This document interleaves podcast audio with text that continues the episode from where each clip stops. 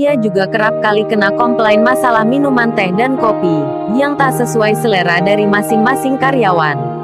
Kensi pun dengan sabar menanggapi itu semua.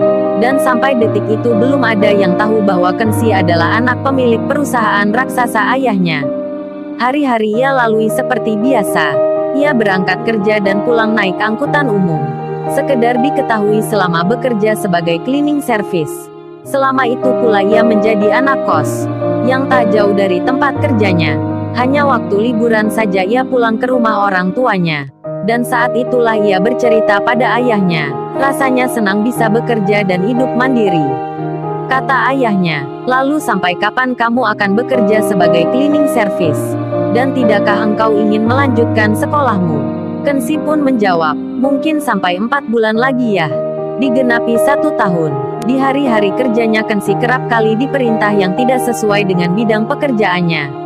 Tak jarang oleh pegawai kantor ia disuruh cuci mobil dan motor. Dan diberi tips uang 20 ribu. Hari-hari ia lalui. Tak terasa sudah ada di bulan ke-9 ia bekerja. Artinya mungkin tinggal tiga bulan lagi ia harus berhenti bekerja dan melanjutkan sekolah lagi. Yang rencananya ia akan sekolah di Kairo, Mesir. Lalu, di kantor ia bekerja, ada berita pegawai baru yang mana jabatannya tinggi di kantor tersebut. Yang diketahui sebagai anak dari pimpinan cabang perusahaan di tempat ia bekerja. Pegawai baru itu seorang wanita muda dan cantik pula. Ia banyak mendengar cerita dari karyawan-karyawan. Itu pegawai baru cantik ya. Namun tingkat atas. Kita gak level hanya bisa melihat saja karena anak dari bos. Kensi yang mendengar itu biasa-biasa saja ekspresinya. Cuman yang ia pikirkan, nanti kalau dapat giliran jadwal bersih-bersih di HRD kantor di tempat itu. Yang ia pikirkan cuman, nanti cocok gak ya dengan minuman teh dan kopi yang aku buatkan. Tak disangka dua minggu kemudian Kensi dapat jadwal bekerja di tempat tersebut. Selama ini ia belum pernah melihat anak dari bos di tempat ia bekerja yang katanya cantik dan menjadi primadona tersebut. Ia pun masuk seperti biasa. Pagi-pagi sekali di samping membersihkan ruangan kantor ia pun harus mempersiapkan minuman. Di ruang tersebut terlihat besar dan nyaman. Terlihat hiasan di dinding, nampak warna yang cerah dan anggun.